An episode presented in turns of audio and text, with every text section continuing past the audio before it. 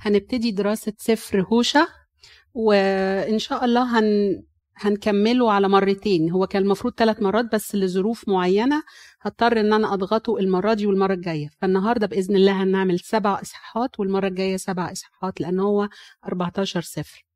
آه زي ما أنتم شايفين أنا اخترت الآية دي هلما نرجع إلى الرب لأنه هو افترس فيشفينا ضرب فيجبرنا. هوشع ستة آه آية واحد. آه اخترتها هي ثيم للسفر لأن هي بتبين آه بالظبط المعنى أو النبوة اللي هوشع جه بيها آه لمملكة إسرائيل. المعنى هو بيتلخص في التوبة. يلا نرجع نتوب ونرجع لربنا نتوب من قلوبنا لأنه هو ضرباته لينا كانت من أجل شفائنا. من أجل أنه يشفي نفوسنا وأن إحنا آه نرجع عن طريق الشر اللي إحنا كنا ماشيين فيه فيلا بينا نتوب ونرجع له. هي دي مضمون السفر آه في البداية هنعرف أن هوشع هو كاتب السفر وهو واحد من ال 12 آه الأنبياء الصغار. واتسموا زي ما إحنا عارفين بالأنبياء الصغار لأن لصغر مدة نبوتهم المكتوبة. وعندنا الأنبياء الكبار هم اشعيا وارميا وحسقيال ودانيال. المدة أو المدة الزمنية اللي اتكتب فيها السفر كانت بين قبل السبي البابلي وبين فترة داوود وبين فترة السبي البابلي تقريبا في القرن السابع قبل الميلاد. وهو عاصر السبي الأشوري لمملكة إسرائيل لكنه ما لحقش السبي بابل لمملكة يهوذا. دول ملوك إسرائيل مملكة إسرائيل اللي عاصرهم هوشع هو من سكان مملكة إسرائيل يعني هو سكان أساسي من المملكة. يقال إنه من سبت يساكر. زي ما إحنا عارفين إن مملكة إسرائيل هي مملكة الشمال وكانت بتتكون من عشر أسباط. مملكة الجنوب يهوذا بتتكون من سبتين يهوذا وبنيامين. فهو كان من سكان مملكة الشمال ودول أسامي الملوك هم حوالي سبع أو ثمان ملوك. وهنلاحظ أن عدد الملوك أكبر لأن مملكة إسرائيل هي امتدت لمدة 260 سنة بس كان فيها اغتيالات وانقلابات فجي فيها ملوك كتير. على عكس مملكة يهوذا كانت مستقرة نسبيا وده لأنهم ما زغوش وفسدوا بنفس الدرجة وعشان كده ربنا اداهم السلام. فهنلاقي إن هو عاصر أربعة بس من ملوك يهوذا. هوشع كلمة عبرية معناها يهوى يخلص وهي نفس معنى يسوع أو يشوع. وزي ما قلنا هو من الأنبياء الصغار. مدة النبوة بتاعته حوالي سبعين سنة. يعني في بيقولوا إنها ست حاجة وستين لكن هي في المتوسط سبعين سنة. هو الوحيد النبي الوحيد من المملكة الشمالية وعاصر أنبياء يعني كانوا متزامنين معاه في نفس خدمته أشعية وعاموس وميخا.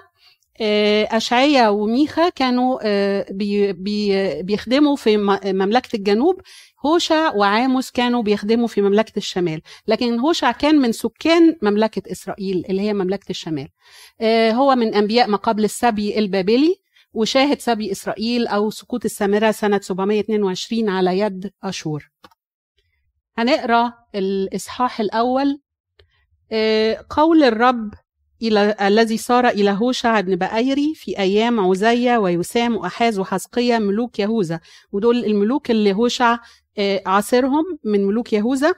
وفي أيام يربعام بن يؤاش ملك إسرائيل هو ذكر ملك واحد بس من ملوك إسرائيل يربعام بن يؤاش وده لأنه كان أقل شرور وحتى هو خد لقب مخلص الشعب زي ما جه في سفر ملوك التاني.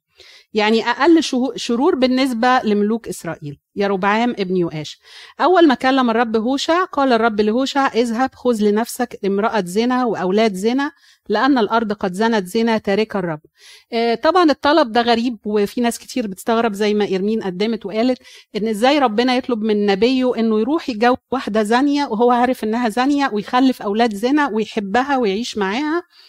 بيقول له لأن الأرض قد زنت زنا تارك الرب وهنا بيطلق لفظ الأرض على إسرائيل لأنها بشرورها بقت مرتبطة بالأرضيات وانفصلت عن الروحانيات والسماويات. فبقت يعني بدل ما يقول إسرائيل في كتير من الأحيان هيقول الأرض. الحكاية إن هوشع يروح ويتجوز واحدة زانية دي هي شوية إحنا مستصعبينها بس لو دورنا هنلاقي إن ربنا كان بيطلب من أنبياء تانيين بعض الطلبات اللي يقوموا بيها يعني بيعمل منهم وسائل إيضاح بشرية عشان يوصلوا رسالة معينة. من ضمن الأمثلة أشعياء النبي إن ربنا طلب منه إنه يمشي حافي ويقلع المسح عن حقويه لمدة ثلاث سنين علشان يوصل للناس فكرة إن هيحصل سبي لمصر وكوش على يد الأشوريين. وكان بينادي بكده. طبعا هي قصة تانية مش موضوعنا لكن أنا قصدت أقول إنه طلب منه إنه يمشي شكل الأسير. شكل الأسير إنه يبقى حافي وقالع جزء من هدومه. عشان الناس لما تشوفه آه ده شكله أسير آه ده بيكلمنا عن الاسر اللي هيحصل في مصر وكوش. يبقى تبتدي الفكرة تثبت آه زي ما هو بيقولها لهم شايفين قدامهم وسائل إيضاح؟ نفس الفكرة حسقيال النبي. ربنا طلب منه إنه يحلق آه شعره وشعر دقنه وده يعني رمز لانفصال الناس عن ربنا بسبب كثرة الشرور وإنه ياخد شعره ويوزنه بميزان وده معناه إنه هو ربنا هي هي هيدي الضربات بالعدل على حسب الخطايا يحرق تلت ويزري تلت الشعر في الريح ويقطع تلته بالسيف ودي كلها كانت رموز عن الهجوم البابلي وعن السبي البابلي.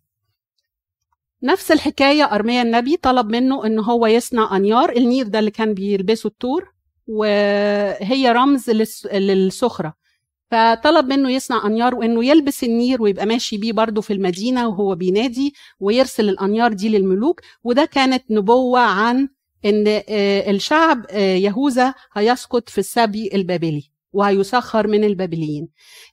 ممكن نفس الكونسبت برضو يجي على إبراهيم لما طلب منه إنه يذبح إسحاق ودي كانت ترسيخ لفكرة الفداء إنه بعت له الحمل أو الكبش اللي هيفدي إسحاق.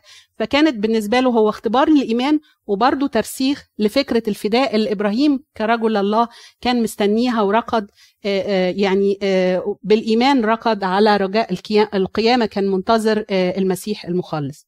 فهوشع بلا شك كانت الدرس بتاعه أصعب من الباقيين لأنه هيبتدي يجرب إزاي واحد يتجوز واحدة عارف إن هي بتسيبه بتروح تزني على الرغم من حبه ليها ومن كل الكرامة وال... والحماية اللي هو بيقدمها لها تروح تزني وترجع له وهو يقبلها ويحبها وعلى الرغم إنه شاعر بمرارة وحزن فربنا بيقول له أنا هديك الاختبار ده عشان تحس أنا بحس بإيه؟ لما شعبي يسيبني ويروح يزني وراء آلهة غريبة. وبكده طبعا يقدر إنه يوصل الرسالة بتاعته للشعب وهو عايش فيها بصورة شخصية. هنكمل الإصحاح الأول بيقول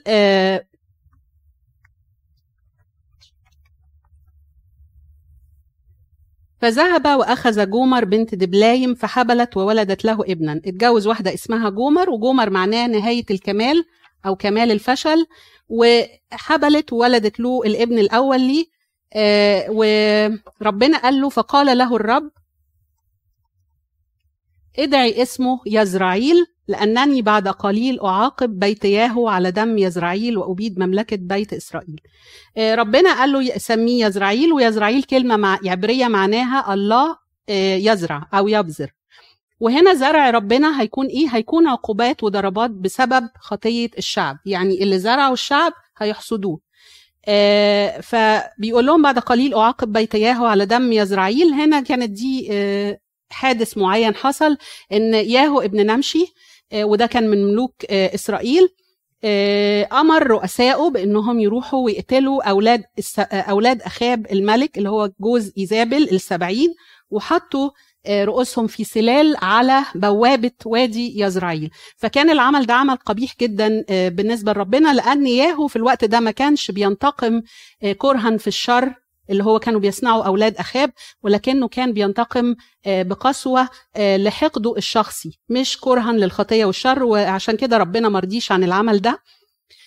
ويكون في ذلك اليوم إني أكثر قوس, قوس إسرائيل في وادي يزرعيل وهنا يعني في التفاسير بيتقال إن وادي يزرعيل ده احتمال إن يكون في معركة دارت فيه وإنه ربنا سلم شعبه لأعدائهم يعني كسر قوسهم انهزموا بسبب خطاياهم. ثم حبلت أيضا هنا بيتكلم عن جومر وولدت بنتا. يبقى الأول جابت يزرعيل وبعدين بقت جابت بنت فقال له ادعي اسمها لو رحامه لأني لأعود أرحم بيت إسرائيل أيضا بل أنزعهم نزعا. يعني لو رحامه معناها لا أعود أرحم. وأما بيت يهوذا فأرحمهم وأخلصهم بالرب إلههم ولا أخلصهم بقوس وبسيف وبحرب وبخيل وبفرسان. آه، هنا بيتكلم على مملكة يهوذا اللي كانت لسه آه، يعني هو بعد آه، هوشع بعد ما خلص الخدمة بتاعته في إسرائيل اتجه ليهوذا لأنهم بعد فترة ابتدوا يتأثروا ويمشوا في طريق الوثنية إلى حد كبير. فربنا بيقول بيت يهوذا أرحمهم لأنهم كانوا لسه ماشيين آه، بالصلاح. ونقدر نقول إن دي آه، وأخلصهم بالرب. إلههم هي نبوة بتحمل معنيين أو اتحققت في زمانين مختلفين. وهنلاقي إن في سفر هوشع في نبوات كتير اتقالت بصورة بصيغة واحدة لكنها اتحققت في أزمنة مختلفة. ولسه في منها تتحقق في نهاية الأيام. فهنلاقي النبوة الواحدة ليها كذا تطبيق. من ضمنها أرحمهم وأخلصهم بالرب إلههم. هنلاقي إن مرة لما آه، كان في الهجوم الأشوري آه، على وكانوا قربوا من مملكة يهوذا إن حزقية الملك ابن أحاز صرخ آه، للرب إلهه وربنا بعت له الملاك اللي ضرب 185 ألف من جيش أشور. فبالطريقة دي فعلا خلصهم بالرب إلههم وليس آه، بأسلحة أو بسيوف. آه، وليها تطبيق تاني إنه الرب هيخلصهم على الصليب بالفداء وإن هم فعلا هيخلصوا عن طريق الفداء. دول آه، أنا كنت كاتبة مجموعة من الملوك اللي هم آه، كانوا موجودين في الفترة دي ملوك إسرائيل. وهنلاقي إن كتير كان في آه، مؤامرات واغتيالات وكانت منتشرة بقى في الفترة دي. يعني في كتير منهم اتقتلوا. هم كانوا تقريبا 19 أو 20 ملك منهم تسعة اتقتلوا.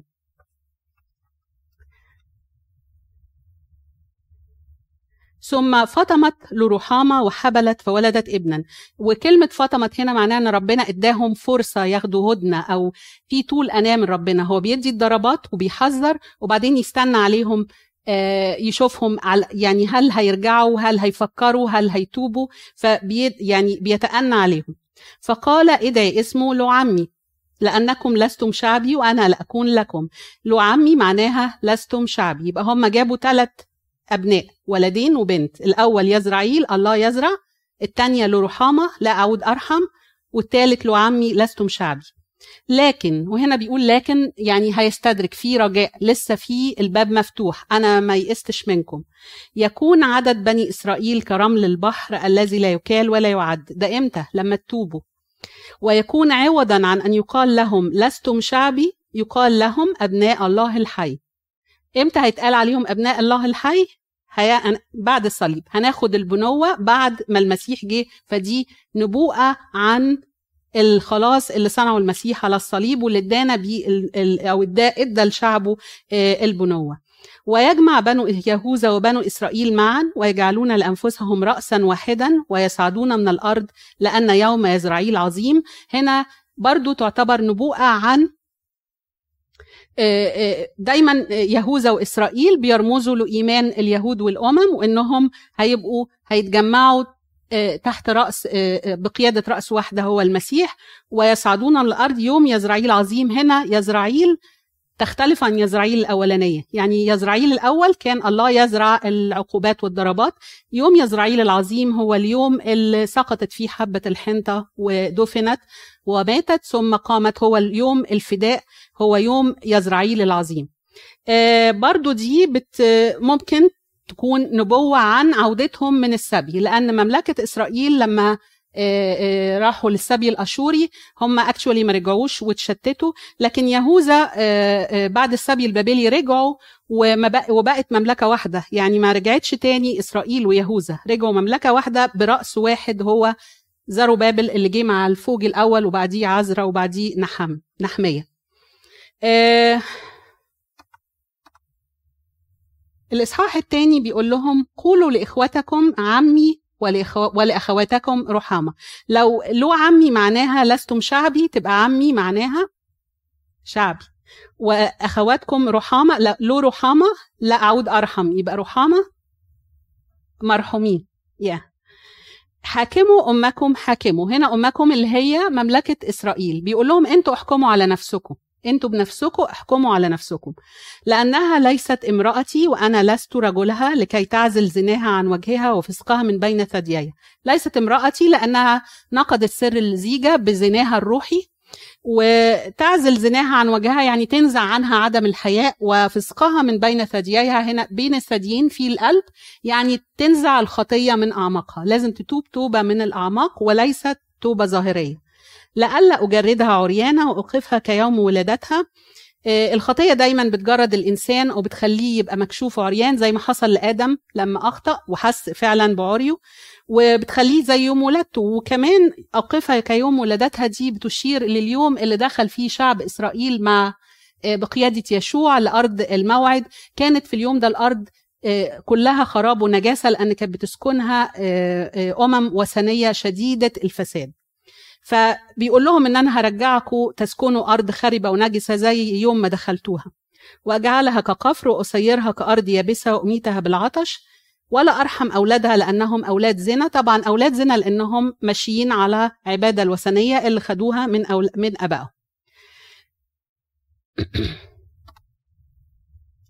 لأن أمهم قد زنت أمهم برضو إسرائيل التي حبلت بهم صنعت خزيا لأنها قالت قالت إيه بقى؟ أذهب وراء محبية الذين يعطون خبزي ومائي الأكل والشرب صوفي وكتاني الكساء زيتي العلاج وأشربتي الخمر اللي هو رمز الفرح. كل العطايا المادية والروحية اللي ربنا اداها لهم بينسبوها لآلهة تانية. يعني كل ح... كل المواهب والوزنات اللي اداها لهم خدوها وبيقولوا لا دي مش من عندك دي بننسبها لآلهة تانية. زي ما في ناس لغاية دلوقتي بتعمل إن هي تنسب كل المواهب لشطارتها للعلم للذكاء للخبرة آه، للغنى المادي. كل حاجة تاخدها من إيد ربنا وتنسبها لآلهة أخرى أو تنسبها للذات. لذلك أنا أسيك طريقك بالشوك وأبني حائطها حتى لا تجد مسالكها. طبعا طريق الشوك ال ال الشر لازم يبقى فيه شوك لكن هنا ربنا من محبته وشدة حرصه إن هم يرجعوا هيبتدي يحط لهم عراقيل في طريق الخطية اللي هم ماشيين فيه.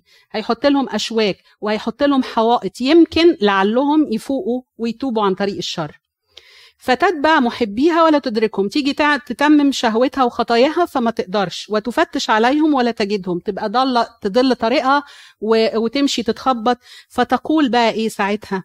أذهب وأرجع إلى رجلي الأول. فكرنا بإيه الآية دي؟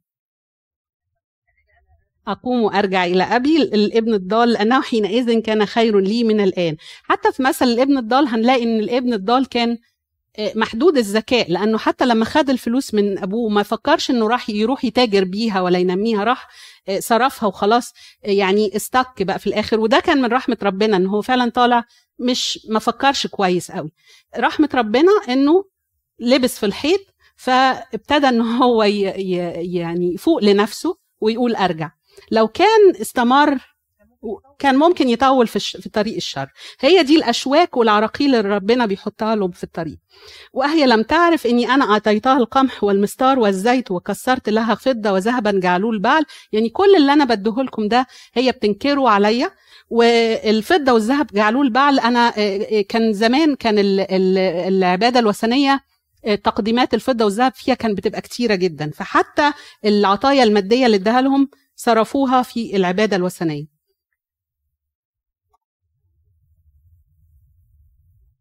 لذلك أرجع وآخذ قمحي في حينه ومستاري في وقته أنزع صوفي وكتاني اللذين لسترة عورتهما طبعا عورتها. طبعا هنا ربنا بيتحاجج مع الشعب. يعني شوية يشد وشوية يرخي. يعني لو ما عملتوش كده هعمل وهسوي. لكن لو رجعتوا هرجع لكم كذا بي بي يعني بياخد إيه؟ طريقة المحاجاة عشان يبقى دايما محسسهم إن الباب مفتوح. لسه أنا قابلكم ما رفضتكوش تماما. فهيبتدي يصعد العقوبات. في الأول هياخد العقوبات هي هيسحب منهم العطايا المادية القمح والمستار والصوف والكتان. والآن أكشف عورتها أمام عيون محبيها ولا ينقذها أحد من يدي. وبعدين يكشف العورة يعني يبين الشرور والقبح بتاعها حتى قدام اللي كانت بتزني معاهم. هيكشف الخطية قدامها لأن من كتر ما الخطية انتشرت بقوا هم حاسين مش بيعملوا حاجة يعني غريبة هو ده الطبيعي. فهيبتدي يكشف لها قبح خطيتها وأبطل كل أفراح هيبتدي ينزع الفرح والسلام اللي هو مصدره أعيادها ورؤوس شهورها وسبوتها وجميع مواسمها. وأخرب كرمها وتينها. الكرم اللي بيدي الخمر وهو رمز الفرح مش هيبقى فيه فرح. اللذين قالت قالت إيه؟ هما أجرتي التي أعطانيها محبية أجرة الزانية. واجعلهما وعرا فياكلهما طيور البرية. دي العقوبات اللي ربنا ابتدى إن هو يقول لهم عليها وهي جت بالتدريج على فكرة. يعني الفترة دي ما كانش ما جاش عليهم السبي الأشوري مرة واحدة. كان في ضربات كان في زلازل كان في جارات كان في دمار للأراضي والمحاصيل. كان في جزية أشور يعني فرضتها عليهم لفترة محددة وغزوات وبعدين جه السبي. وأعاقبها على أيام بعليم التي فيها كانت تبخر لهم وتتزين بخزائمها وحليها وتذهب وراء محبيها وتنساني أنا يقول الرب. بعليم هي جمع بعل وكان في بعل فغور إله الزنا بعل باريس إله العهود وبعل زبوب إله عقرون أو الزبان. لكن أنا ذا هنا بقى لكن هيستدرك ويقول لكن لسه في رجاء وفي ملحمة حب هنشوفها ها أنا ذا أتملقها وأذهب بها إلى البرية ألطفها أتملقها يعني أتحايل عليها.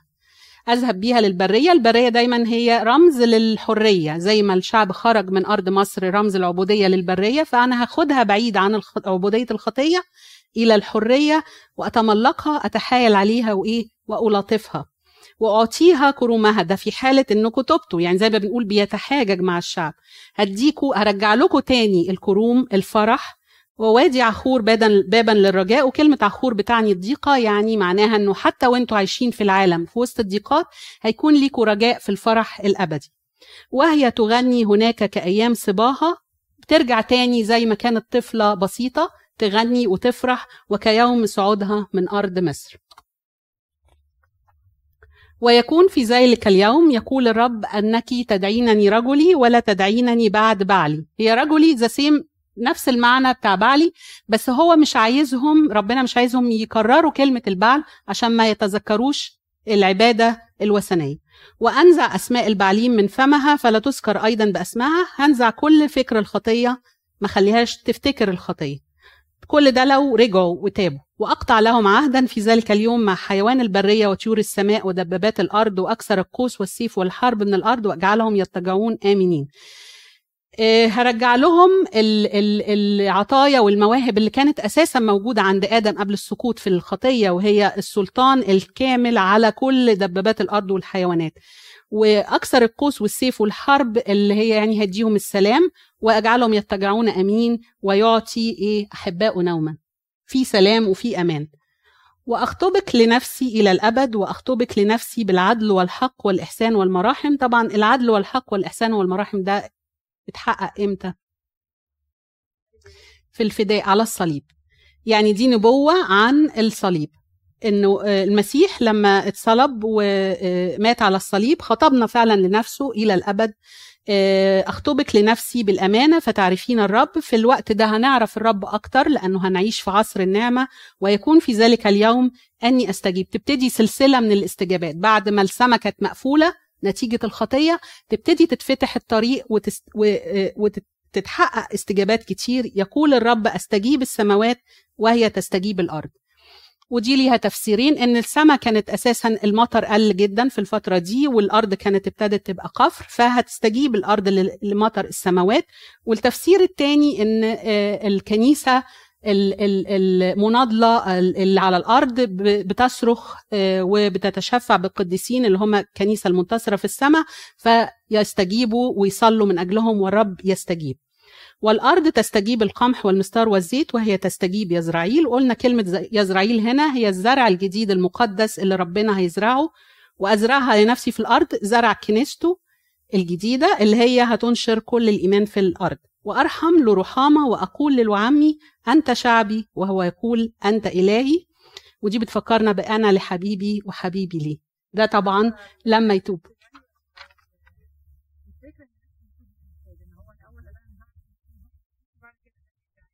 يس. هو هو يعني آه يشد ويرخي. عشان دايما مديهم الأمل إنه مستنيهم يرجعوا. إن الضربات دي مش مجرد انتقام هي ضربات للشفاء. وقال الرب لي اذهب أيضا أحبب امرأة حبيبة صاحب وزانية كمحبة الرب لبني إسرائيل وهم ملتفتون إلى آلهة أخرى ومحبون لأقراص الزبيب. الآية دي بتلخبط الناس. يعني في ناس بتفتكر إن هو أمره إنه يروح ياخد واحدة تانية غير جومر اللي هو اتجوزها في أول الإصحاح.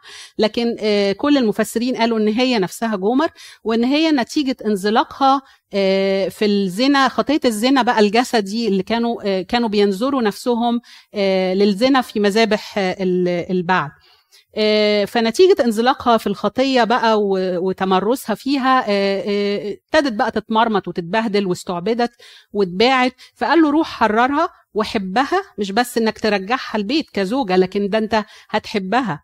وزي محبتي على الرغم إنك عارف إن هي إيه حبيبة صاحب وزانيه عارف إنها بتحب رجالة تانيين وبتروح تزني لكن أنت هتحبها. زي محبتي أنا كمحبة الرب لبني إسرائيل وهم ملتفتون إلى آلهة أخرى. بالظبط وضعك أنت مع جومر هو وضعي أنا مع إسرائيل ومع النفس البشرية عموما. بحبهم وهحبهم وهفضل أرعاهم حتى وأنا عارف إن هم بيزنوا وراء آلهة أخرى. محبون لأقراص الزبيب. أقراص الزبيب دي كانت بتتقدم كتقديمات في مذابح البعل فاشتريتها لنفسي. هنا هوشع بيتكلم. اشتريتها لنفسي بخمسة عشر شاق الفضة وبحمر ولثك شعير. إحنا عارفين أجرة ثمن العبد كان 30 شاق الفضة وهو ده الثمن اللي يهوذا باع يعني سلم بيه السيد المسيح. لكن هوشع اشترى جومر ب 15 شاقل يعني نص ثمن عبد وحمر ولسك شعير. اللسك هما دي الحمر واللسك دول مكاييل. اللسك نص الحمر يعني حمر ونص شعير والشعير ده كان أكل الفقراء أو أكل الحيوانات. يعني اشتراها بثمن بخس لكن هو ده الثمن اللي رسي عليه. يعني مين يزود؟ هو قال أنا 15 شاق الفضة وحمر ونص شعير ورسي عليه. دي مكاييل.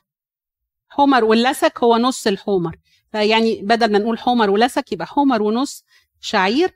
والشعير هو أرخص حاجة يعني يعني مش قمح حتى. فهنلاقي إن الثمن اللي هو اشتراها بيه ثمن بخس بس هو أعلى ثمن اتدفع في جومر. يعني مفيش حد قدرها ولا اهتم بيها غير هوشع لأن بني إسرائيل وقلت لها تقعدين أياما كثيرة لا تزني ولا تكوني لرجل وأنا كذلك لك فترة تطهير فترة ترتاح فيها وتبتدي إنها تفكر في إزاي هي وصلت الوضع ده وتبتدي إنها تتوب. ودي هي نفسها بترمز للفترة اللي شعب إسرائيل وقع فيها في السبي في أشور. هم برضو قعدوا الفترة دي المفروض إن هي كانت فترة للتطهير من الخطايا اللي وصلتهم إنهم يقعوا في السبي. لأن بني إسرائيل سيقعدون هو بيقول نفس الكلام. يعني الفترة اللي قعدتها جومر هي هي الفترة بني إسرائيل سيقعدون أياما كثيرة بلا ملك. في السبي مفيش ملك. وبلا رئيس بلا ذبيحة مفيش هيكل بلا تمثال الأعمدة أو الأنصبة اللي هي بتمثل الرؤى اللي كانت بتجيلهم من السماء بلا أفود وترافيم. الأفود والترافيم دي أحجار بلونين مختلفين على صدرة الكاهن من خلالهم كان بيستشير ربنا يعني بلا كهنوت. بعد ذلك بعد الفترة اللي هيقعدوها دي يعود بنو إسرائيل ويطلبون الرب إلههم وداود ملكهم ويفزعون إلى الرب وإلى جوده في آخر الأيام. طبعا هيعودوا بالتوبة لكن هيطلبوا الرب إله وداود ملكهم. هو داود كان قبل هوشع بحوالي 300 سنة. هو هنا بيرمز للمسيح اللي هو أصل وذرية داود هيرجعوا لنفسهم وهيرجعوا يتوبوا لإلههم ونور التوبة اللي هيملاهم هيخليهم يفزعوا إلى يعني إزاي إحنا كنا كده؟ وإزاي إحنا كنا غفلانين كل الوقت ده؟ في آخر الأيام. ودي برضو نبوة عن إيمان اليهود بالسيد المسيح في اللي هيحصل في آخر الأيام.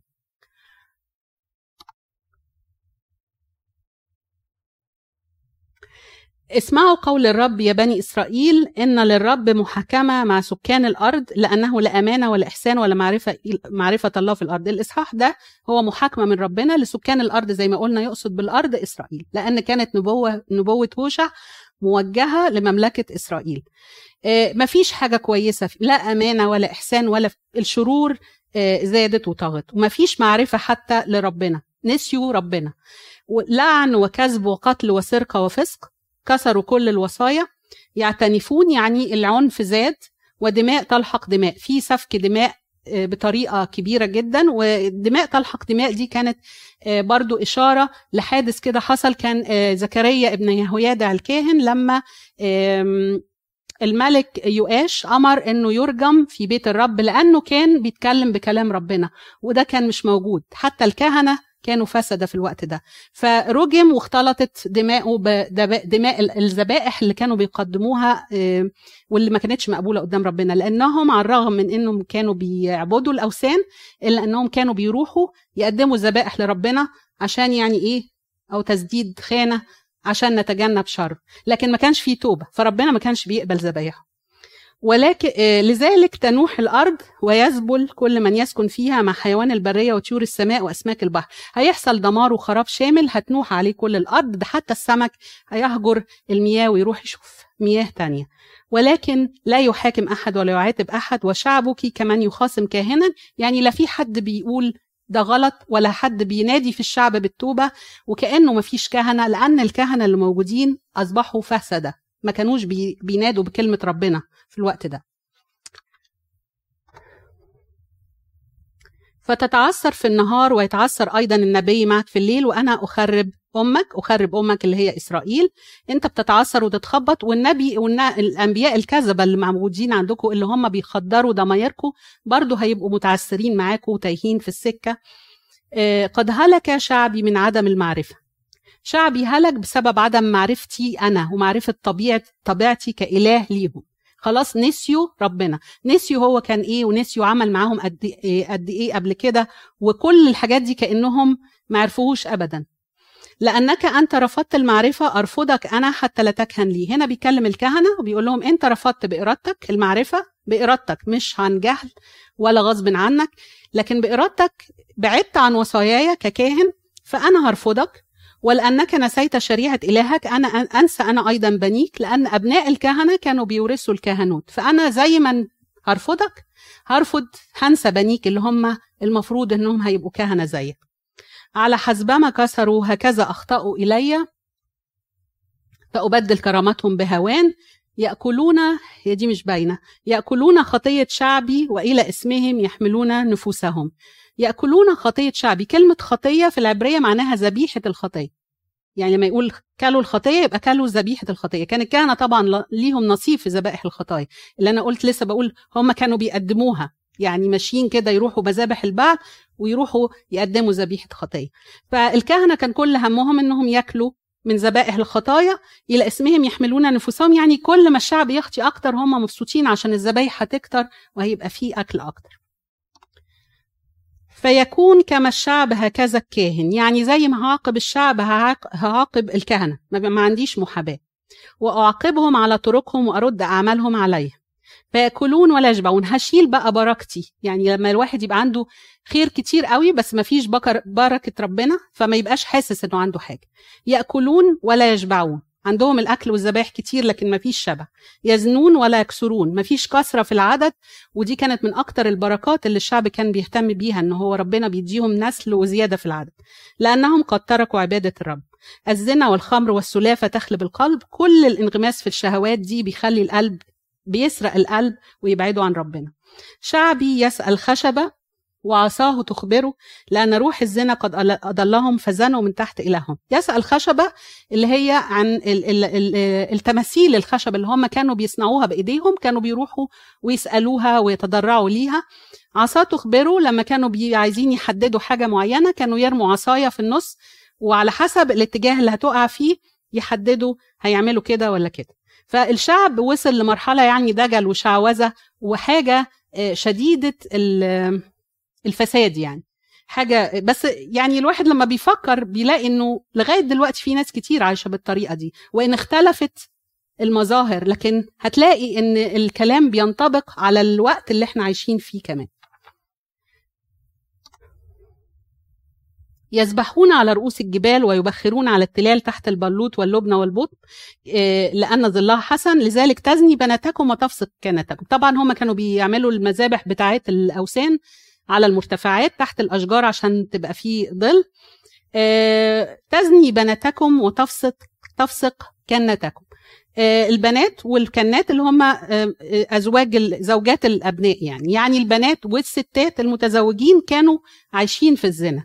آه، أنا صراحة لفتت نظري تزني وتفسق. يعني إيه الفرق في المعنى؟ فما حاولت إن أنا أشوف الترجمة ال English يمكن يكون فيها فرق. فلقيت إن تزني هي harlotry وتفسق adultery. يعني اللي فهمته إن ال adultery ده مرتبط بالزنا المتزوجين. ال harlotry أكتر مع الزنا اللي هو مقابل آه، مادي ليه مقابل مادي. يعني ما وصلتش لحاجة هما الاثنين زنا بس دايما الفسق بيرتبط بالمتزوجين. لا أعاقب بناتكم لأنهن يزنين. لا أعاقب يعني كما لو كان حالة ميؤوس منها. الزنا انتشر بقى كله كده. ولكنتكم لأنهن يفسقن. لأنهم يعتزلون مع الزنيات ويسبحون مع نازرات الزنا والشعب لا يعقل يسرى يعتزلون مع الزنيات دول الرجالة بقى. يعني لا البنات ولا الكنات ولا الرجالة كله بيزني. كله يعني وقع في خطية الزنا. وشعب لا يعقل يسرع يعني يهلك. لأنه ماشي ورا شهواته. إن كنت أنت زانيا يا إسرائيل فلا يأسم يهوذا. خلي بالك يا يهوذا أوعى تعمل زي هنا ربنا بيحذر مملكة يهوذا من أنهم يمشوا في نفس الطريق لأنها عدوى ماشية فيهم. ولا تأتوا بيكلم يهوذا لا تأتوا إلى الجلجال ولا تصعدوا إلى بيت آون ولا تحلفوا حي هو الرب. إيه حكاية الجلجال وبيت آون دي؟ دي كانت أماكن مقدسة في, الأول. وبعدين الملوك ملوك إسرائيل الفسدة علشان يخلوا الشعب مرتبط بمملكة الشمال وما يفقدوش الشعب لأنه يروح للهيكل آه، في أورشليم ويقدم ذبائح. فكان آه، يروبعام بن نباط أول ملك من مملكة هو اللي قام بانقلاب يعني وقسم المملكة. بنى لهم في الجلجال وبيت آون اللي هو كان بيت إيل. في الأول هياكل وحط فيها عجول ذهبية. وقال لهم إن ربنا روحه هتحل في العجول دي فانتم مش محتاجين تروحوا أورشليم وتقدموا ذبايح ولا تسجدوا هناك اسجدوا هنا. ومن ساعتها بقت الجلجال وبيت آون دي مذابح للبعل ولعبادة الأوثان. فربنا بيحذر بعد ما كانت أماكن مقدسة في الأول دي كانت أماكن مقدسة. آه، ربنا بيحذر يهوذا أنه يسلك نفس الطريق. إنه قد جمح إسرائيل كبقرة جامحة. هنا في تشبيهات كتير لمملكة إسرائيل في السفر ده أنا جمعتها في الآخر لو في وقت. منها بقرة جامحة بقرة ماشية آه، يعني في طريقها من غير رابط مش عارفة رايحة فين ولا حد عارف يوقفها. الآن يرعاهم الرب كخروف في مكان واسع. ربنا بيرعاهم كخروف للتسمين لإيه؟ للذبح على يد أشور لأن هو هيسلمهم بسبب خطاياهم للجيش الأشوري. إفرايم موثق بالأصنام اتركوه. إشمعنى إفرايم؟ هو سبط من أسباط مملكة الشمال لكن كان أكبر أسباط إسرائيل. فهنلاقيه في بعض الأحيان يشير لمملكة إسرائيل إفرايم. لكن هي هي نفس المعنى. موثق بالأصنام يعني مرتبط بالخطية مش عايز يتوب. هي مشكلتهم ما كانتش في الخطية لكن مشكلتهم في عدم التوبة. والارتباط الشديد بالخطية. اتركوه يعني اتركوه للهلاك. متى انتهت منادمتهم زنوا زنا؟ منادمة السكر يعني يخلصوا سكر يروحوا يزنوا. أحب مجانها أحبوا الهوان. المجان هي التروس وهي إشارة للرؤساء. يعني الشعب والرؤساء وكله كان إيه في عايش في خطية. قد سرتها الريح في أجنحتها بقت زي العصافة اللي الريح تشيلها وتحطها وخجلوا من ذبائحهم لأنهم كانوا بيقدموا ذبائح للأصنام وما كانتش بتعمل لهم حاجة فبقت مصدر للخجل. اسمعوا هذا أيها الكهنة وانصتوا يا بيت إسرائيل واصغوا يا بيت الملك. هنا بيوجه كلامه للكهنة والشعب والملك والملوك. كلكم. لأن عليكم القضاء كلكم. اللي فيكم غلط هيتحاسب. مفيش حد أحسن من حد. ما عنديش محاباة. إذ صرتم فخا في مصفاة وشبكة مبسوطة على طابور. إيه حكاية الفخ اللي في مصفاة وطابور؟ آه مصفاة وطابور دول كانوا طريقين بيوصلوا من الشمال للهيكل في أورشليم. وكان في ناس لسه فيها آه، يعني مش متقبلين إن هم يسجدوا في مكان تاني أو لآلهة. فحتى الناس دول اللي كان لسه فيهم روح ربنا كانوا بيسلكوا آه، مصفاة وطابور كان عملوا لهم كمائن ملوك إسرائيل في الطريقين دول فكانوا يقتلوا أي واحد معدي من خلال الطريق ده عشان ما ينزلش أورشليم ويسجد في الهيكل. عشان يجبروا الناس إن هم يفضلوا موجودين آه، في مملكة الشمال ويسجدوا بقى في مملكة الشمال ويقدموا الذبائح بتاعتهم. وقد توغلوا في ذبائح الزيغان فأنا تأديب لهم ذبائح الزيغان اللي هي الذبائح يعني إما الذبائح اللي بيقدموها للبعل أو الذبائح اللي بيقدموها لربنا بدون توبة. هي ذبائح زيغان. أنا أعرف إفرايم وإسرائيل ليس مخفيا عني إنك الآن زنيت إفرايم قد تنجس إسرائيل خطاياكم قدامي مكشوفة. أفعالهم لا تدعهم يرجعون إلى إلههم لأن روح الزنا في باطنهم وهم لا يعرفون الرب. الخطية متأصلة فيهم من جواهم فخلتهم مش عارفين يرجعوا لربنا. نسيوا ربنا ونسيوا قدرته على إنه فعلا يقبل توبتهم وإنه يرد لهم مكانتهم وقد أزلت عظمة إسرائيل في وجهه فيتعثر إسرائيل وإفرايم في اسمهما ويتعثر يهوذا أيضا معهما ابتدى يهوذا يضل. يعني إسرائيل وإفرايم متعثرين في الطريق الخطية. ويهوذا كمان ابتدى جزء منه يروح معاهم في العبادة الوثنية. يذهبون بغنمهم وقرهم ليطلبوا الرب ولا يجدونه قد تنحى عنهم وبيقدموا ذبايح آه زي ما بقول بس من غير توب قد غدروا بالرب لأنهم ولدوا أولادا أجنبيين. خانوا ربنا أولاد أجنبيين لأن أبنائهم ما بقوش شكل آه، يعني أولاد ربنا ما بقوش شبه وصاياه ماشيين على حسب آه، وثنية يعني أهاليهم. الآن يأكلهم شهر مع انصباتهم هنا دي نبوة عن الجزية اللي هيفرضها عليهم الأشوريين لمدة محددة ده قبل ما يقعوا في السبي. اضربوا بالبوق في جبع بالقرن في الرامة اصرخوا في بيت آون وراءك يا بنيامين. جبع والرامة الأول اضربوا بالبوق دي علامة أو نبوة عن الحرب جاية جاية. الحرب هتجيلكم يلا اضربوا بالبوق واتحضروا عشان الآشوريين جايين. جبع والرامة دي مدن في جنوب بنيامين وبنيامين إحنا عارفين السبط ده كان مملكة يهوذا. هو وسبط يهوذا دول بيكونوا مملكة يهوذا. فكان في الجنوب يعني معناها الأشوريين هياخدوا البلاد من أقصى الشمال لأقصى الجنوب. آه، اصرخوا في بيت آون لأن الدمار هيبقى كبير. وراءك يا بنيامين اهرب يا بنيامين العدو وراءك. هنا بيحذر. كل دي هي تحذيرات بيديها لهم قبل ما تحصل السبي. يعني زي ما قلت في حاجات كتير ضربات حصلت وربنا كان قاصد منها إنه يحذرهم علشان يرجعوا ويتوبوا يصير إفرايم خرابا في يوم التأديب في أسباط إسرائيل علامة اليقين زي ما قلت إفرايم لأنه أكبر سبط بيقول لهم علامة اليقين يعني كلامي أكيد. الكلام اللي أنا بقوله لكم ده يقين. صارت رؤساء يهوذا كناقلي التخوم. ناقل التخوم دي إيه بقى؟ آه معناها هي التخوم يعني الحدود. آه لما جه يشوع ابن نون يدخل أرض الموعد ربنا قسم الأرض آه على الاسباط بحسب حجم كل ست. وحذر من اللي ينقل التخوم. قال إنه ملعون. ناقل التخوم هيكون ملعون لأنه بيجور على نصيب أخوه. آه، فبيقول رؤساء يهوذا كناقل التخوم هي بتحتمل آه، أكتر من معنى. منها إنه آه، لانشغال مملكة الشمال أو مملكة إسرائيل بالحروب مع أرام وأشور والحروب سلسلة الحروب اللي دخلت فيها. فيهوذا انتهزوا الفرصة دي وجار يعني دخلوا على حدودهم وأصبحوا ناقلي تخوم. برضو إن في الفترة دي نتيجة الصراعات وال, وال ال يعني ال الدربكة اللي حاصلة يعني. آه، القوي ابتدى إن هو يجور على الضعيف. المعنى الاكثر آه، يعني عمق فيه اللي هو المعنى الروحي نقل التخوم إن ربنا حط في يهوذا تخم مهم قوي هو الهيكل والشريعة الموجود فيه الوصية والشريعة. فهم لما ابتدوا إنهم يمشوا في طريق الوثنية أصبحوا كناقلي التخوم يعني راحوا يسجدوا في هياكل تانية ونقلوا التخم اللي ربنا اداهولهم أو الحدود اللي هي الهيكل اللي موجود في أورشليم. لأنه ارتضى أن يمضي وراء الوصية. آه sorry فأسكب عليهم سخطي كالماء يعني الضربات بتاعتي هتيجي عليهم زي الطوفان. إفرايم مظلوم مسحوق القضاء. مظلوم لأنه إيه؟ اتضغط أو تحت ضغط الرؤساء. يعني ضغطوا عليه وحطوه تحت ضغط إن هو يمشي في طريق العبادة الوثنية. لأنه ارتضى أن يمضي وراء الوصية. وصية إيه؟ عبادة البعل فأنا لإفرايم كالعس ولبيت يهوذا كالسوس هو بيقول لهم أنا هكون العدس العتة اللي بتنخر في الهدوم فيبقى بدون آه، آه، كساء.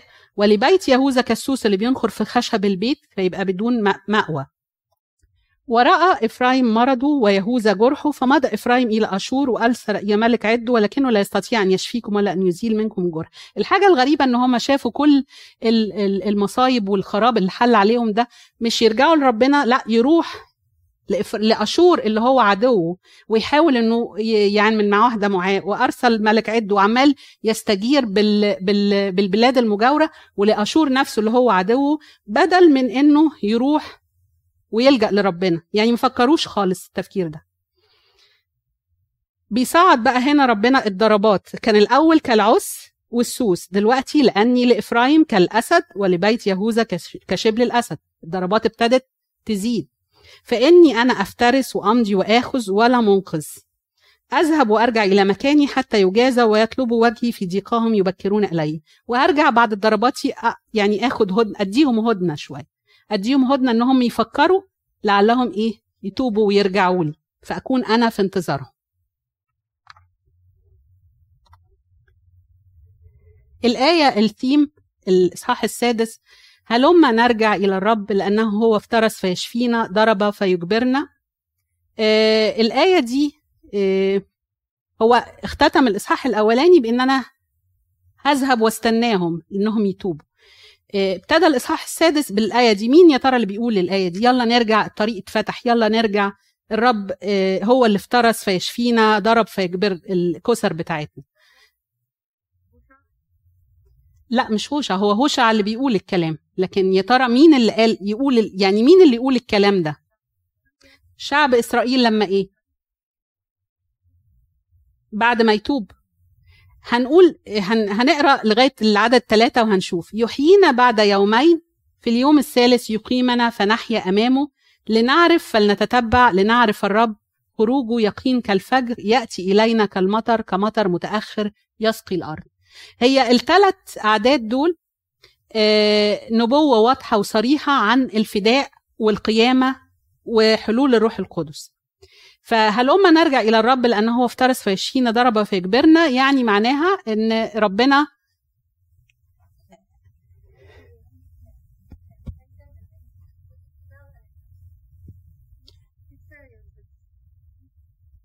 فضل إصحاح آه، آه، يلا نرجع لربنا. الباب اتفتح بالصليب الباب اتفتح والطريق اتفتح. هو اللي افترس الموت اللي كان المفروض ده عقوبة علينا. هو افترس فيشفينا ضرب فيجبرنا. إحنا عرفنا دلوقتي إن ضرباته كانت من أجل خلاصنا.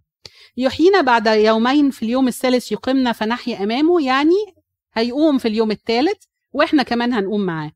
لنعرف فلنتتبع لنعرف خروجه يقين كالفجر. يعني قيامته أكيدة في اليوم الثالث زي نور الفجر. يأتي إلينا كالمطر كمطر متأخر يسقي الأرض. هي روحه هيحل علينا زي المطر. وهنا كلمة آه، مطر آه، هي دايما في الكتاب المقدس معناها رمز لحلول الروح القدس. يعني دي ايتين من واحدة من اشعيا وواحدة الثانية من إنجيل يوحنا لأني أسكب ماء على العطشان وسيولا على اليابسة. أسكب روحي على نسلك وبركتي على ذريتك. يبقى المية والسيول هي روح ربنا. أسلك روح أسكب روحي. الآية الثانية من آمن بي كما قال الكتاب تجري من بطنه أنهار ماء حي قال هذا عن الروح الذي كان المؤمنون مزمعون أن يقبلوه يعني الماء في الكتاب أو المطر هو رمز لحلول الروح القدس. فالثلاث آيات زي ما قلت دي آه، آه، من أوضح النبوات عن الصليب والقيامة وحلول الروح القدس. لكن شعب إسرائيل أو الشعب اليهودي في الوقت اللي هوشع قالها لهم فيه فهموها بطريقة تانية. يعني هي ممكن تتفهم بطريقة تانية إن هم بعد ما وقعوا في السبي الأشوري بيقولوا يلا نرجع لربنا يلا نتوب لأن هو اللي ضربنا عشان نخف ونتوب. وإن إحنا هناخد يومين أو ثلاثة يعني هي مدة غير محددة ولكنها مدة قصيرة مدة السبي وهنرجع تاني هنقوم معاه وخروجنا هيبقى زي اليقين وهنرجع هيرجع لنا تاني المطر والخيرات اللي اللي هي اتمنعت عنا بسبب خطيتنا.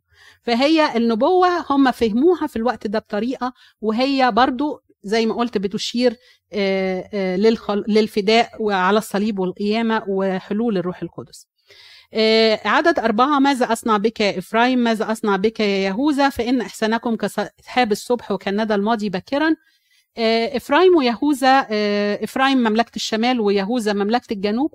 كان فيهم بعض الملوك اللي هم حاولوا يعملوا إصلاحات ولكن كانت الإصلاحات بتاعتهم محدودة المدة قوي. يعني كانت زي سحاب الفجر والندى اللي هو بينقشع أول ما النور يطلع. يعني صلاحكم كان مدى على مدى قصير قوي.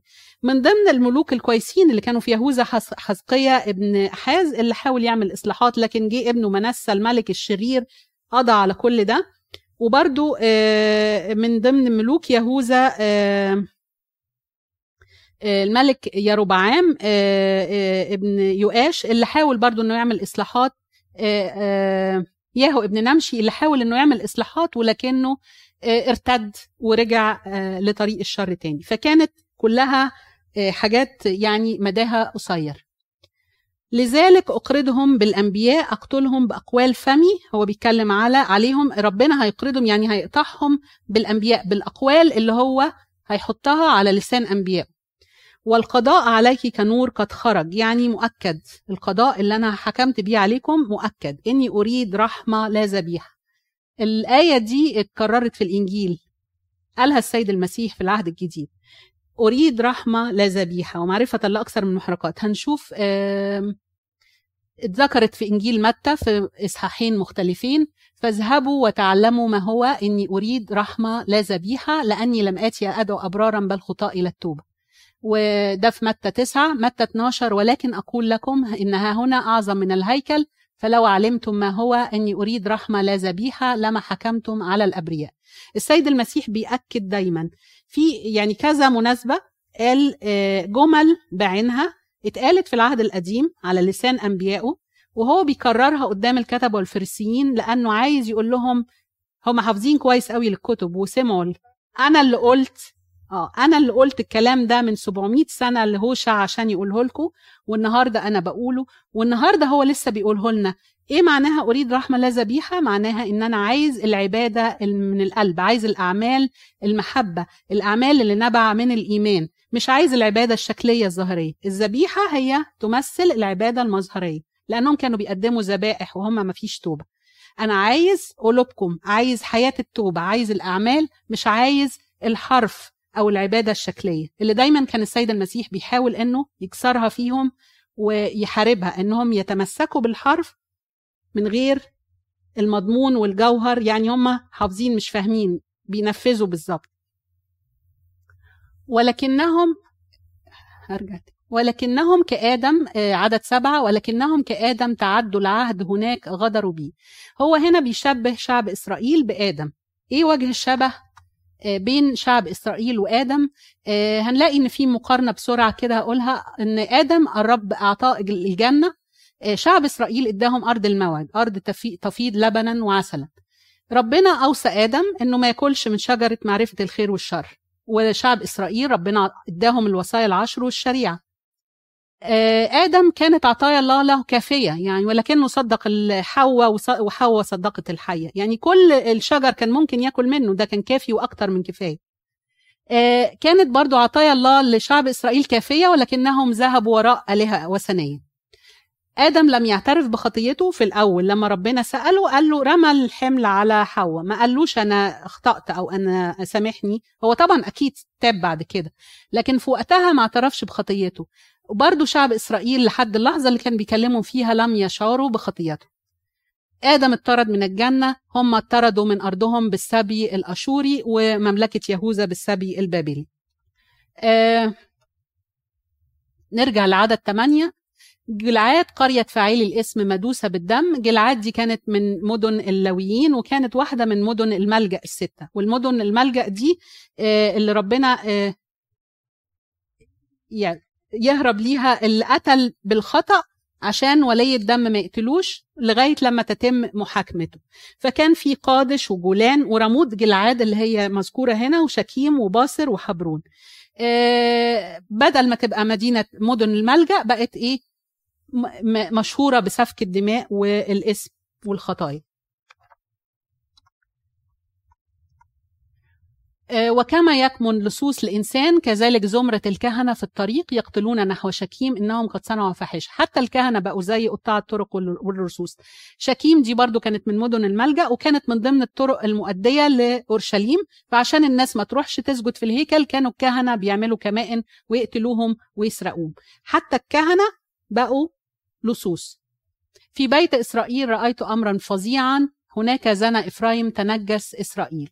وأنت أيضا يا يهوذا قد أعد لك حصاد عندما أرد سبي شعبي وكلمة حصاد بترمز للدينونة وبرضه بترمز للخير لأنه آه، المسيح قال أن الحصاد كثير ولكن الفعلة قليلون. فإذا إن هو مستنيهم في دينونة هتستناهم أو إن هم لتوبتهم بعد ما يرجعوا من السبي هيبقى ليهم مكافآت وحصاد كبير عند ربنا. آه الإصحاح السابع آخر حاجة. حينما كنت أشفي إسرائيل هنا ربنا بيتكلم كطبيب. هو بيقوم بعمل شفائي. الضربات دي من أجل الشفاء. أعلن اسم إفرايم وشرور السامرة فإنهم قد صنعوا غشا. السارق دخل والغزاة نهبوا في الخارج. كانت من أكتر الشرور المنتشرة في الوقت ده الغش والسرقة بينهم وبين بعض. وكمان السارق اللي هو أشور سرقهم لأنه فرض عليهم الجزية وده غير أنه نهب البلاد. ولا يفتكرون في قلوبهم أني قد تذكرت كل شرهم الآن قد أحاطت بهم أفعالهم صارت أمام وجهي. كل أفعالهم قدامي وخطاياهم هي سبب الضربات اللي هتنزل عليهم. بشرهم يفرحون الملك وبكذبهم الرساء. في كتير من الرياء والنفاق للملك وهو كانوا بيفرحوا الملوك بكده. كلهم فاسقون كتنور محمى من الخباز ودي من ضمن تنور محمى اللي هو الفرن المحمى ودي من ضمن التشبيهات اللي قلت هجمعها لشعب إسرائيل آه، بتبين إن هم كانوا مشتعلين شهواتهم كانت مشتعلة جواهم. يبطل الإيقاد من وقتما يعجن العجين إلى أن يختمر. عجن العجين هي تدبير المؤامرات. فكانوا يدبروا المؤامرات ويشعلوا الفرن اللي هو المؤامرات والاغتيالات يوم ملكنا يمرض الرؤساء من ثورة الخمر يبسط يده مع المستهزئين. هنا الملوك بيقعدوا في مجالس المستهزئين وبيسكروا وبيعملوا كل الخطايا اللي بيعملها الشعب لأنهم يقربون قلوبهم في مكيدتهم كالتنور. كل الليل ينام خبزهم وفي الصباح يكون محمى كنار ملتهبة. المك... المؤامرات والمكيدات اللي كانوا بي... بيدبروها آه، آه، زي الفرن المحمى. كلهم حامون كالتنور وأكلوا قضاتهم. جميع ملوكهم سقطوا. ليس بينهم من يدعو إلي. آه، ما بقاش في حد فيهم يعني في صلاح. إفرايم يختلط بالشعوب. إفرايم صار خبز مل ملة لم يقلب. برضو من ضمن التشبيهات خبز الملة اللي لم يقلب يعني يتحمر على ناحية وما قلبوهوش على الناحية التانية فبقى ني من ناحية ومتحمر من ناحية. وده رمز للرياء والنفاق إن واحد يبقى شكله كويس من ناحية ومن الناحية التانية مش كويس. أكل الغرباء ثروته وهو لا يعرف وقد رش عليه الشيبة وهو لا يعرف. قلنا إن اتسلبوا من أعدائهم واتفرضت عليهم الجزية ورش عليه الشيب أصابتهم الشيخوخة الروحية. وقد أزلت عظمة إسرائيل في وجههم لا يرجعون إلى الرب إلههم ولا يطلبونه مع كل هذا. مع كل الضربات دي هم برضو مصرين إن هم ما يتوبوش وما يرجعوش للرب. صار إفرايم كحمامة رعناء بلا قلب من ضمن التشبيهات حمامة رعناء. الحمامة الرعناء دي اللي بتطير كده آه، في أي اتجاه وتسقط في فخ الصياد.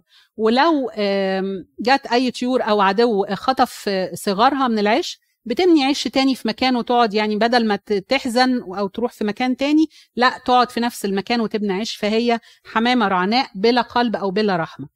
هو بيشبههم بكده لأنهم كانوا بيتعاهدوا بيعقدوا معاهدات مع أعدائهم آه، وأعدائهم دول اللي سابوا من أبنائهم وبناتهم آه، على الرغم من كده إلا أنهم ما زالوا آه، يعني بيتحالفوا معاهم. يدعون مصر يمضون إلى أشور. دي التحالفات اللي كانوا بيعملوها. بيستنجدوا بمصر ويروحوا الاشور عدوهم يعملوا معاه معاهدات. عندما يمضون أبسط عليهم شبكتي دي شبك شبكتي أنا اللي أنا برميها عليهم هي اللي هتوقعهم في الأسر. ألقيهم كطيور السماء وأدبهم بحسب خبر جماعتهم آخر سلايد النهارده باقي الإصحاح السابع. ويل لهم آه، ربنا بقى بيتوعدهم. الويلات هتصيبهم بسبب كل ده لأنهم هربوا مني. تبا لهم يعني الهلاك لهم لأنهم أذنبوا إلي. أنا أفديهم وهم تكلموا علي بكذب. أنا مستني إنهم يرجعوا. بحاول معهم بكل الطرق لكنهم تكلموا علي بكذب هم أنكروا علي إن أنا إلههم وإن أنا أقدر إن أنا آه، أنقذهم من من يد أعدائهم علشان كده ما رجعوش لي ولا يصرخون إلي بقلوبهم حينما يولولون على مضاجعهم يتجامعون لأجل القمح والخمر ويرتدون عني. يروحوا لمذابح البعل المضاجع اللي هي المذابح بتاعة البعل يولولوا ويصرخوا ويطلبوا من البعل ولكن ما يجوش عندي يطلبوا. من أجل القمح والخمر لأن بقت في مجاعة في البلد فهم ما زالوا بيروحوا المذابح يطلبوا وما يجوش عندي. وأنا أنذرتهم وشددت أزراهم هم يفكرون علي بالشر. يرجعون ليس إلى العلي قد صاروا كقوس مخطئة زي القوس اللي بتضرب السهم فما تصيبش الهدف. بيتردد بين مذابح عبادة البعل وتقديم الذبايح بدون توبة حقيقية. يسقط رؤسائهم بالسيف من أجل سخط ألسنتهم. هذا هزؤهم في أرض مصر لأنهم راحوا يستنجدوا بالمصريين فلم ينجدوا.